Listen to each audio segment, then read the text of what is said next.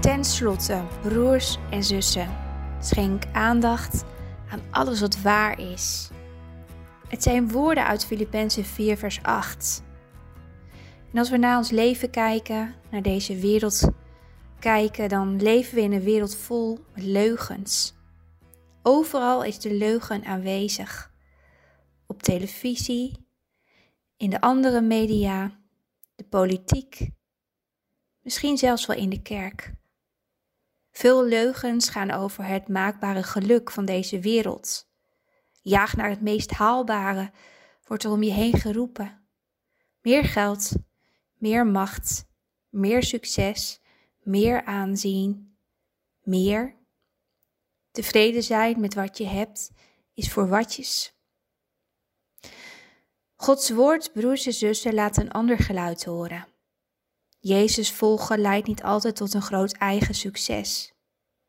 Je leert inzien dat alle maakbare dingen van deze wereld lucht en leegte zijn. Je bent naakt geboren, je hebt niets meegebracht en je zult ook met niets deze aarde verlaten. En als we dat goed beseffen, dan zet het ons leven op de kop. Want waar is al dat najagen van de wind dan voor nodig? Het geeft je nooit dat ultieme geluksgevoel.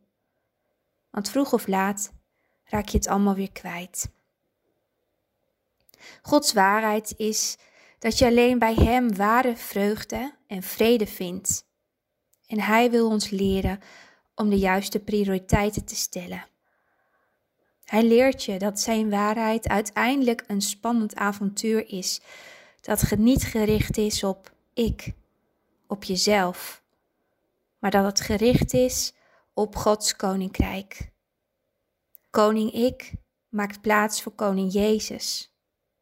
En als koning Jezus op de troon voor je hart mag zitten, dan zul je een heel andere geur verspreiden in deze wereld dan vele andere geuren. Broers, zussen, ga je akkoord met de leugen of ga je op zoek naar Gods waarheid? Het is het waard om op onderzoek uit te gaan naar echte waarheid. Schenk er aandacht aan, zegt Filippenzen 4.